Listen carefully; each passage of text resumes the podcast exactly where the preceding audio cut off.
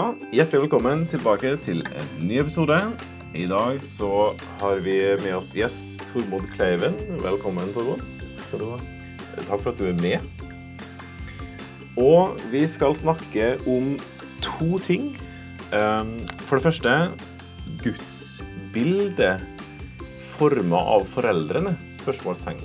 Eller kanskje i hvilken grad er foreldre med å forme gudsbildet til sine barn? Og hvordan skal vi tenke om det? Hvordan skal vi forholde oss til at det skjer? Det har vi snakka litt om i andre episoder også, men enda mer nå. Og seksuelle krenkelser som Tormod på en særlig måte har eh, fagkompetanse på. Det stemmer jo. Ja. Ok, Men eh, først bli litt kjent med deg. Eh, en, jeg vil tro at en del folk kjenner deg fra Nordmisjonssammenheng. Eh, du er styreleder i landsstyret i Nordmisjon, Ja, det stemmer. og har vært det i de siste seks årene. Altså. Ja, jeg har vært det i to perioder, så jeg slutter nå til sommeren. Jeg skjønner. Ja. Ja, nettopp. Eh, du er gift og har to voksne To voksne barn, to gutter som er gift, og en av de har tre barn, så jeg er bestefar. Du er den Ja, strålende tid. Det er fint. Det er bra. Eh, og så er jo Altså, i denne serien eh, hvor vi har eh, fokus på kristen barneoppdragelse, så er det jo en del gjester som ikke nødvendigvis har så mye faglig kompetanse, men som har erfaringskompetanse og, og har mye å si på det. Men du er jo Ja, du har jo helt sikkert mye erfaringskompetanse òg, men særlig kanskje faglig kompetanse, da. Jeg har faglig kompetanse på en del ting, men jeg baserer det på erfaring. fordi hvis ikke du har erfaring med det du snakker om, så hjelper det ikke så mye med hvor mye du har lest, og mye faglig kompetanse du har. Det var klokt sagt. Men det er jo særlig seksuelle krenkelser. Så du har jobba Eller du har jo sikkert jobba med flere fagfelt, men du har jo en doktorgrad i Ja, formulere Ja, eh, doktorgraden er seksuelle krenkelser i kirkelig sammenheng. Hvordan den forstås, eh, blir forstått, og hvordan den ble håndtert.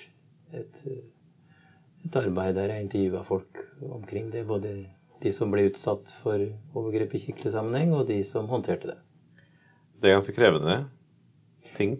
Ja, men det er basert nettopp på at dette har jeg levd med og levd i som en eh, som en person som har forholdt seg til det siden 1995, og har vært med i å møte mennesker som har blitt utsatt, og møtt mennesker som har eh, gjort eh, overgrep. eh, Og, og ikke minst også de sammenhengende menighetene, fellesskapene hvor dette har skjedd. Derfor har dette blitt en del av virkeligheten min, fordi dette møtte meg den gangen. Ja, så det, det på en måte aktualiserte seg i livet, og så jobba du også faglig med det, da? Ja, altså Det utgangspunktet var at det aktualiserte seg i livet i det jeg møtte det i 95. eh, I min egen sammenheng, der jeg var med som i, i et kristent fellesskap. Og så har det vært et tema som jeg har eh, forholdt meg til og blitt brukt i møte med siden den gang. Og så har det da, når jeg gikk inn i det faglige rommet, det var i 98 jeg begynte innafor akademia, som det heter. Mm. Før det så hadde jeg jobba som, som helse- og sosialsjef i, og sosialarbeider i kommunal og helse, kommunal og fylkeskommunal sammenheng. Mm. Uh, og siden 98 så har jeg jobba med det også faglig med å uh, lete etter svar på det som det ikke er svar på. Hvorfor skjer sånt, og hvordan kan mennesker gjøre det? Ja, for du er jo ansatt på VID vitenskapelige høgskole Ja. uh, som professor. ja. Uh, uh, og vi skal komme tilbake til det akkurat med seksuelle krenkelser. Vi skal ta andre temaet først. Men det er jo også noen ting, bare for å si det, at eh, det har jo aktualisert seg eh, Det har jo vært aktuelt i mange, mange år. Men jeg opplever jo likevel at det er en sånn særlig åpenhet for å snakke om sånne type ting. Både i samfunnet generelt, og også i kristen sammenheng. Ja, det er, ikke, liksom. det er vel ikke så mange områder som Kirken kan si de har vært i, i, i forkant eller i front. Eh, Men i forhold til dette temaet her, så har nok Kirken vært en av de eh, stedene som har vært de først ute med å forholde seg til denne tematikken. Ja. Eh, så ser vi jo at den er like aktuell i dag gjennom media i, innenfor ulike kulturelle sammenhenger, i politiske partier osv. Ja. Gjennom metoo-bevegelsen bl.a. Særlig aktualisert der. Altså. Ja, nå i det siste så har det jo blitt det. Mm. Men jeg tenker vel at i kirkelig sammenheng så har det vært en metoo-bevegelse siden 1995. Mm. Ok, som sagt, vi kommer tilbake til litt til det. Men først det andre emnet overføring forelder-Gud. Eh, jeg har jo sjøl små barn i den fasen da for tida. Og opplever jo, eh, som eh, mange fedre som gjør en sånn OK jobb som far, at eh, det skal ikke så mye til før jeg er den virkelig store helten. Sjøl om Jesus kanskje er litt sterkere eh, Jeg må dessverre møte litt sånn eh, min overmann der. Men jeg har jo gjort meg en refleksjoner sjøl også på eh, i hvilken grad deres gudsbilde formes av meg som person. Og hvordan jeg ja, både som far, men som person sånn for øvrig, altså. tenker Hele pakken, på en måte. De, opp, de opplever jo bare det de opplever, på en måte. Og, og får høre om Jesus inn i det. Og setter jo, refererer jo det her til noe. Er det sånn at barna tror Gud er sånn som foreldrene? Jeg tror langt på vei, ja. Litt avhengig av hva slags alder du snakker om. De blir jo De oppdager jo etter hvert at, at pappa og mamma ikke er like store og, mektige, og sånn? kanskje heller ikke så fullkommen som, som det bildet av Jesus eh, de har fått. Nei. Men, eh, men i, i, i barneåra så dannes nok, tror jeg de fleste er enige om, vår forståelse av hvem Gud er. Spesielt gudsbildet, eller gudsforståelsen av det som vi møter hos de som er våre nærmeste, og det er jo som regel mamma og pappa, eller far og mor. Ja. Eh, Og der dannes en forståelse som er ikke basert på hva de hører, men hva de møter.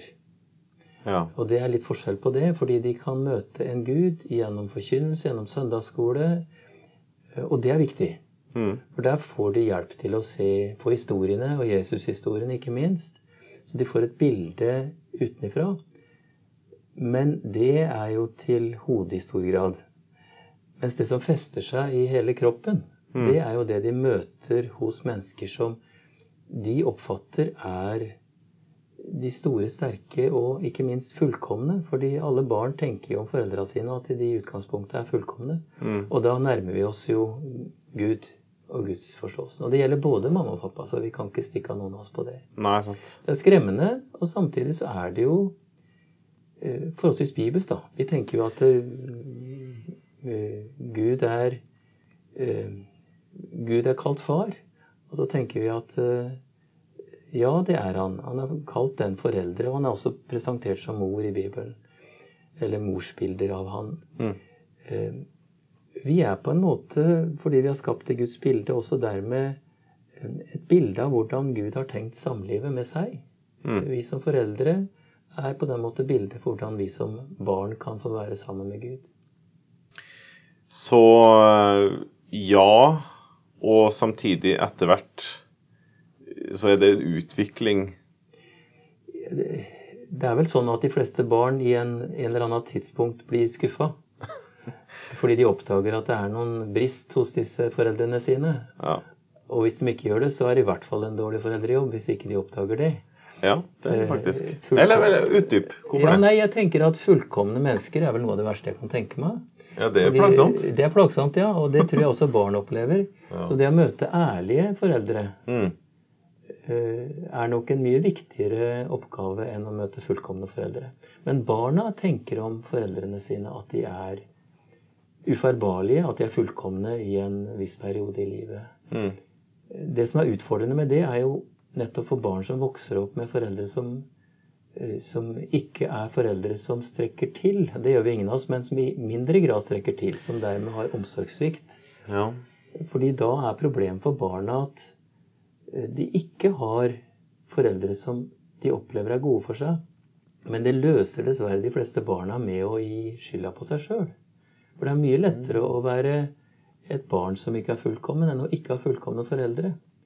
Og det er, er det lettere for barnet ja, å forholde seg til det? på en måte? Eller? Det er lettere å forholde seg til seg sjøl som en som ikke er god, som ikke er bra, enn å forholde seg til en far eller mor som ikke er god eller bra i den perioden der. Okay.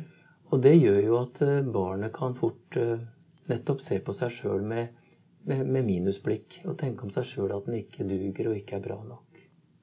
Ja, det, blir, det hører jeg fort grunnlag for dårlig sjølbilde.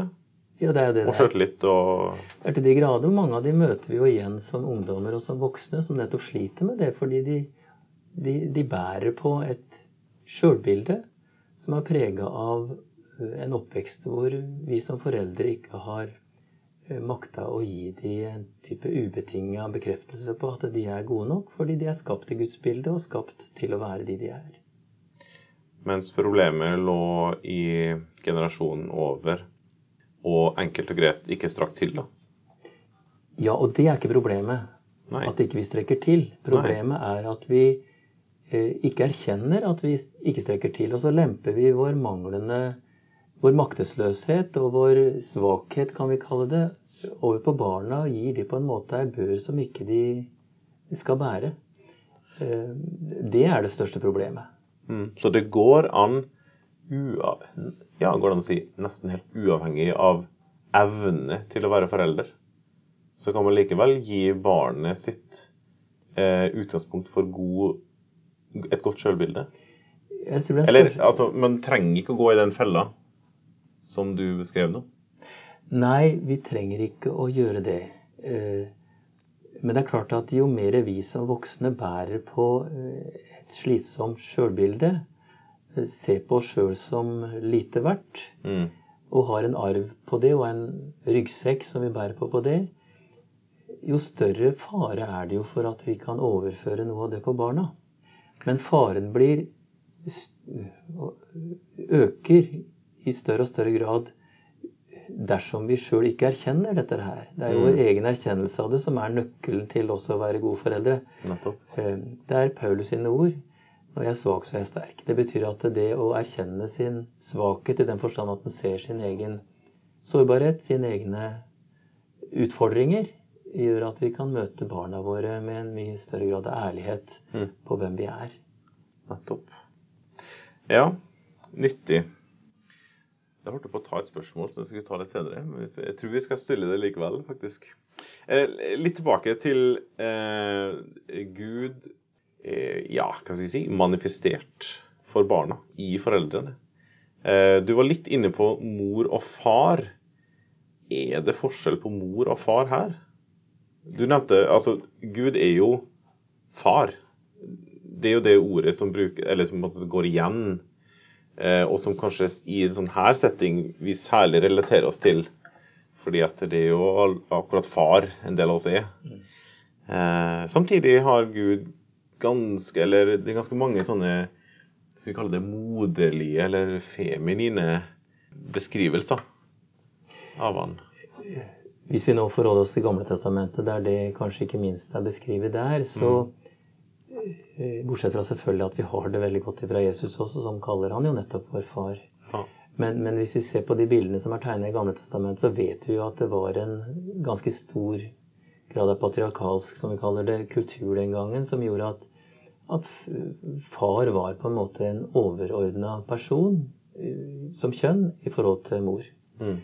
Derfor så er nok, tenker jeg, det radikale i Bibelen er ikke at Gud møter oss som far, men at faktisk Bibelen tegner morsbilder av Gud mm. uh, som den som, som uh, tar barnet sitt innad seg, som er på en måte som du prega også av det vi kaller feminine trekk. Mm. Hønemor Ja, ikke sant? Som, ja, det er et uttrykk som jo som Jesus bruker.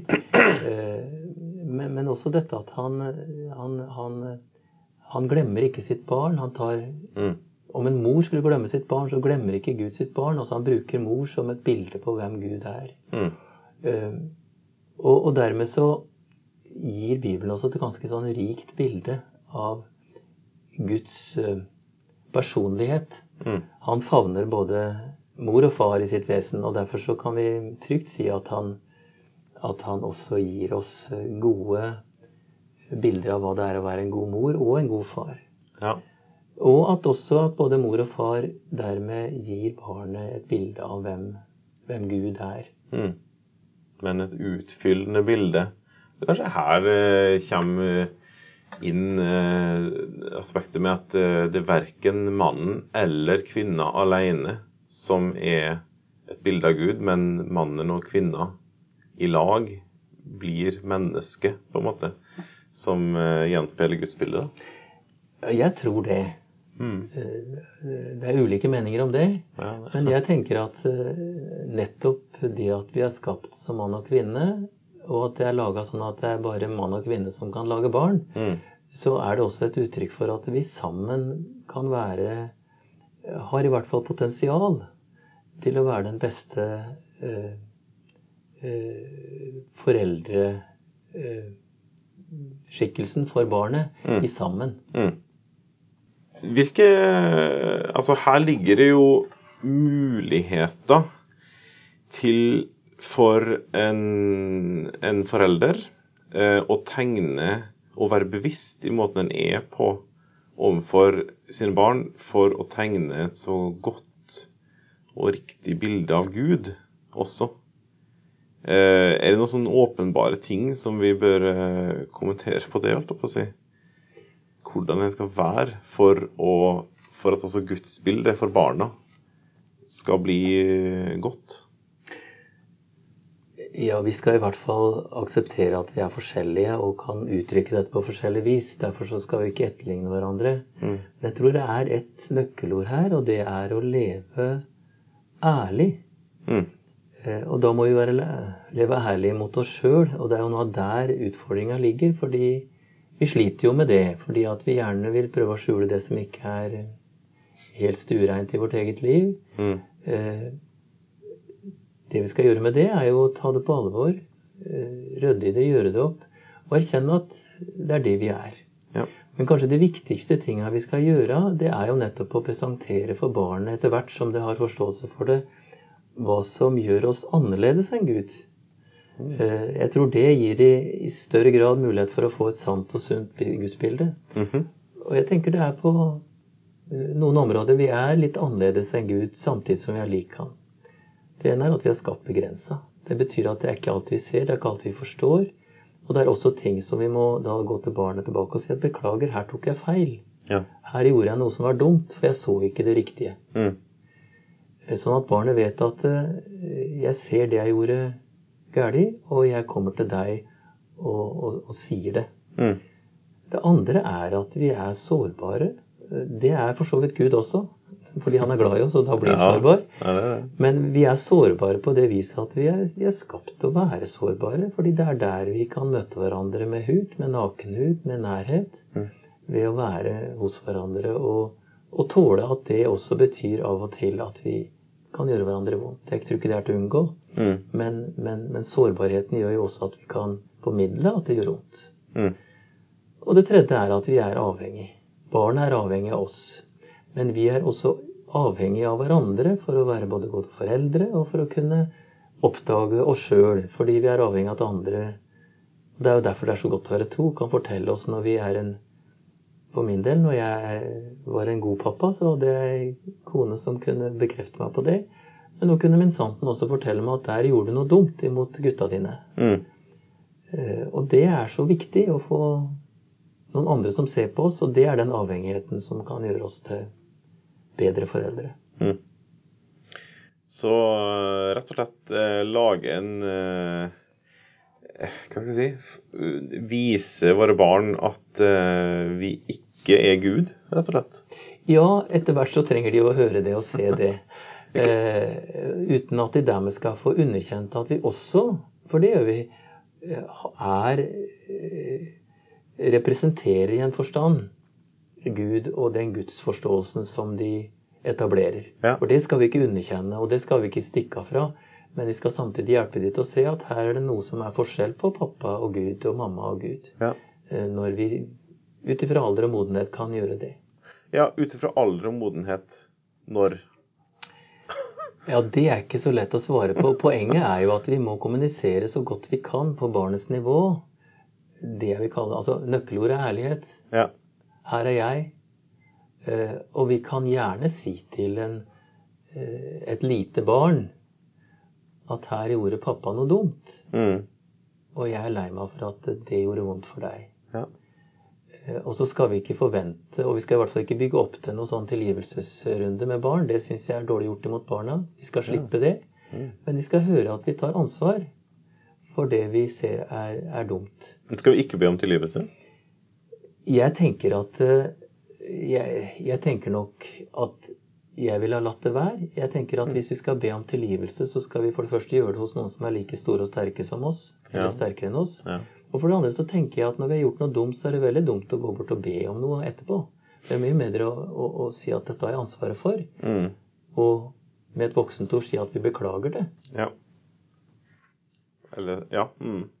Og med barneord kanskje si det var dumt Ja. at pappa gjorde det. Ja, ikke sant?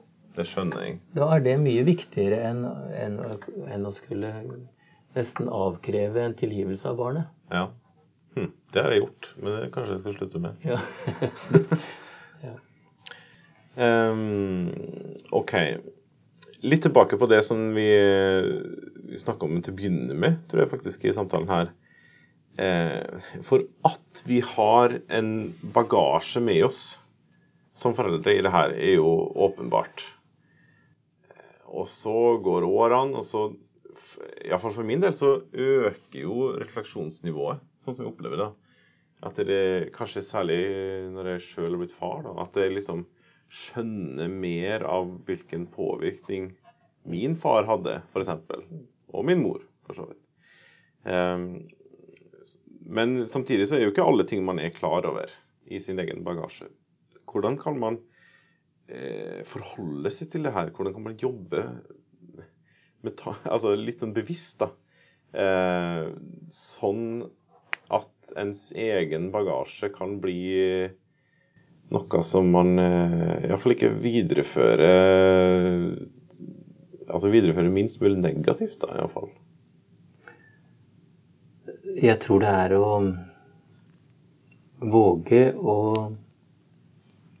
merke seg når en nettopp kjenner på det du sier der. Og jeg tror for mange av oss, i hvert fall var det det for min del, så var jo oppdagelsen av alt det jeg ikke ville være som, som faren min hadde vært, den Mm. kom jo for fullt monn når jeg sjøl ble pappa. Ja. Og det var ikke fordi jeg ikke hadde hatt en god far, men fordi jeg da tenkte at her ville jeg være annerledes. Mm. Og så veit jeg jo det at der jeg aller mest ville være annerledes, der hadde jeg også en tendens til å ligne mest. Så det er en, et, en type erkjennelse av at en oppdager hva en, er, hva en ser er eh, en ikke ønsker å ha med seg. Og så ta det såpass på alvor at en ikke går med det aleine. Jeg tror vi er avhengig av å dele det med noen. Ikke, ikke i noen dybdeterapi nødvendigvis. Det kan være med den vi er gift med, eller en god venn, eller eh, i en sjelesørgerisammenheng at vi kan dele at dette Nå har jeg blitt pappa eller mamma, og så opplever jeg meg sjøl sånn og sånn, og det ønsker jeg ikke. Mm. Og dermed så får en sjanse å ta den sveipen til den delen av livet som en da kanskje har med i ryggsekken, og som en ønsker å gjøre noe med. Mm. Jeg har hatt mye samtaler med folk. Jeg Driver mye med sjelesorg i mange år, og samtaler av ulik art. Og jeg opplever at dette er noe av det både mest eh, berikende å være med på, og samtidig mest utfordrende fordi at du møter mennesker som deler sin sårbarhet, og nettopp sårbare fordi de er så redd for å gjøre de de er aller mest glad i, noe vondt. Eller at de har vet at de har gjort det. Ja. Også, ikke minst. Og da kunne få finne ut hva gjør jeg med det? Hva gjør jeg med eget liv? Mm. Og hvordan forholder jeg meg til, meg til barna mine når jeg har ramma de med en atferd som ikke er god? Mm. Hva sier du da? Jeg prøver å møte de sånn som jeg tenker at uh, vi er bedt av Gud om å møte hverandre med en type uh, vilje til å favne det folk kommer med. Mm. Anerkjenne de for at de kommer med det, og også anerkjenne de på det viset at uh, dette kan du gjøre noe med. Ja. Både for din egen del og i møte med barnet. Mm. Det er en som skrev, sa en gang at det er aldri for sent å få en lykkelig barndom. Mm. Og jeg tror med det mente han at det er mulig å bearbeide sitt eget, uansett hva vi har med oss i bagasjen. Ikke for å bagatellisere det som var, men for å gjøre det om uh, til noe som vi kan bruke som en ressurs. Mm. Som en mulighet i møte med andre. Og, og, og som jeg har kalt noen ganger å omdanne dritt til gull. Mm. Det er det underet som vi kan gjøre i sammen, og i sammen med Gud, ikke minst. Mm. Og da blir det en berikelse for, for oss, fordi vi kjenner at nå har vi jobba oss gjennom det. Eh, Men også en berikelse for de som møter oss, fordi vi har en ballast som de kan få nytte av. Mm. Jeg, jeg kjenner en historie av eh, en, en mor, og for så vidt en far òg, da. Et foreldrepar. Som eh, opplevde veldig mye eh, vanskelig i oppveksten med sine barn. Eh, mange barn og mye utfordringer. Og dem eh, i eh, Alle barna var da voksne og i alle fall tenåringer så innså de mange mangel i sin egen Når de tenkte tilbake, liksom, da, og ba sine egne barn om tilgivelse. Ba barn om tilgivelse. Mm. Men eh, da var jo alle voksne, på en måte, da. Eh, og det tenker jeg, det må ha gjort inntrykk, altså. Eh, for den barneflokken, rett og slett.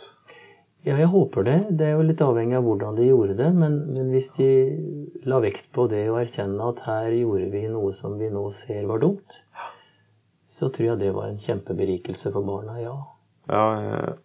det tror jeg. mm, Jeg tror at barna etter hvert blir veldig takknemlige over å ikke ha fullkomne foreldre.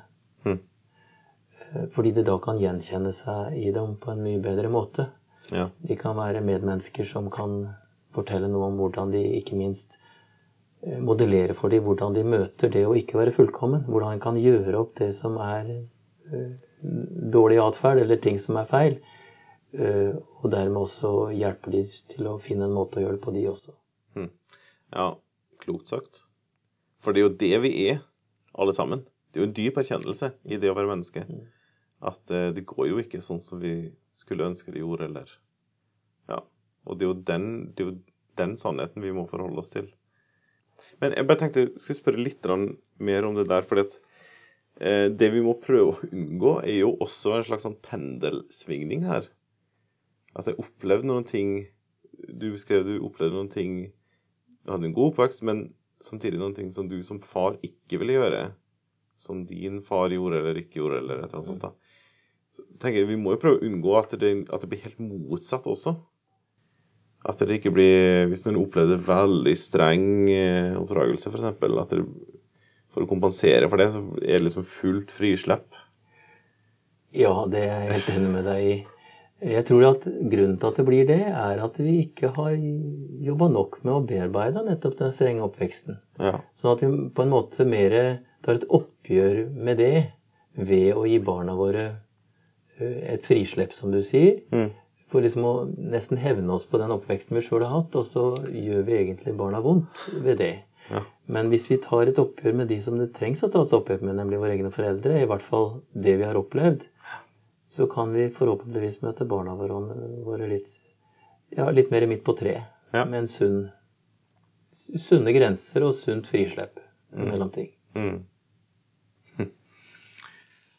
Um, OK, nå er jeg litt usikker om du har svart på det eller ikke. Men hva, hva skal man gjøre når man opplever at man kommer til kort i sånn her type ting? Igjen og igjen. Ah, nå igjen, liksom. Det er slitsomt. Ja, det Særlig når det skjer ofte. Ja, særlig når det ser om igjen. Jeg, jeg tror det er to viktige ting å gjøre. Det ene er å dele den fortvilelsen med en medvoksen. Mm. Og da som oftest med den som en er forelder sammen med, hvis en har mulighet for det. Ja. Sånn at en kan dele fortvilelsen og gjerne både uh, være fortvila sammen og reagere sammen, sånn at en får ut uh, får ut det og på en måte gir seg sjøl en mulighet for å ta et oppgjør med det gjennom det. Uh, og kanskje også få hjelp til å tenke strategier. Åssen skal jeg la være å gjøre det neste gang? Mm. For det, det jo Det er mulig å tenke med huet sitt. Hva er muligheter for å la være å gjøre dette her? Hvordan kan jeg da rett og slett sette opp gode gjerder for meg sjøl, så jeg ikke kommer i den situasjonen og posisjonen? Ja. Det er det ene. Det andre er når en har gjort det, for da har en på en måte rydda litt i eget liv, Mm. og gå tilbake til barnet og igjen fortelle at det der gjorde pappa noe dumt, eller Mm. mamma noe dumt, eller med det språket som passer for den alderen barnet er.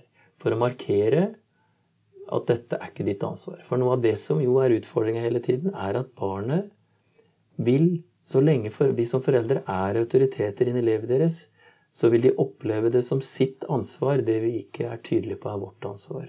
ja. Eh, Uansett? ja, jeg tror i veldig stor grad, skremmende stor grad. Ja.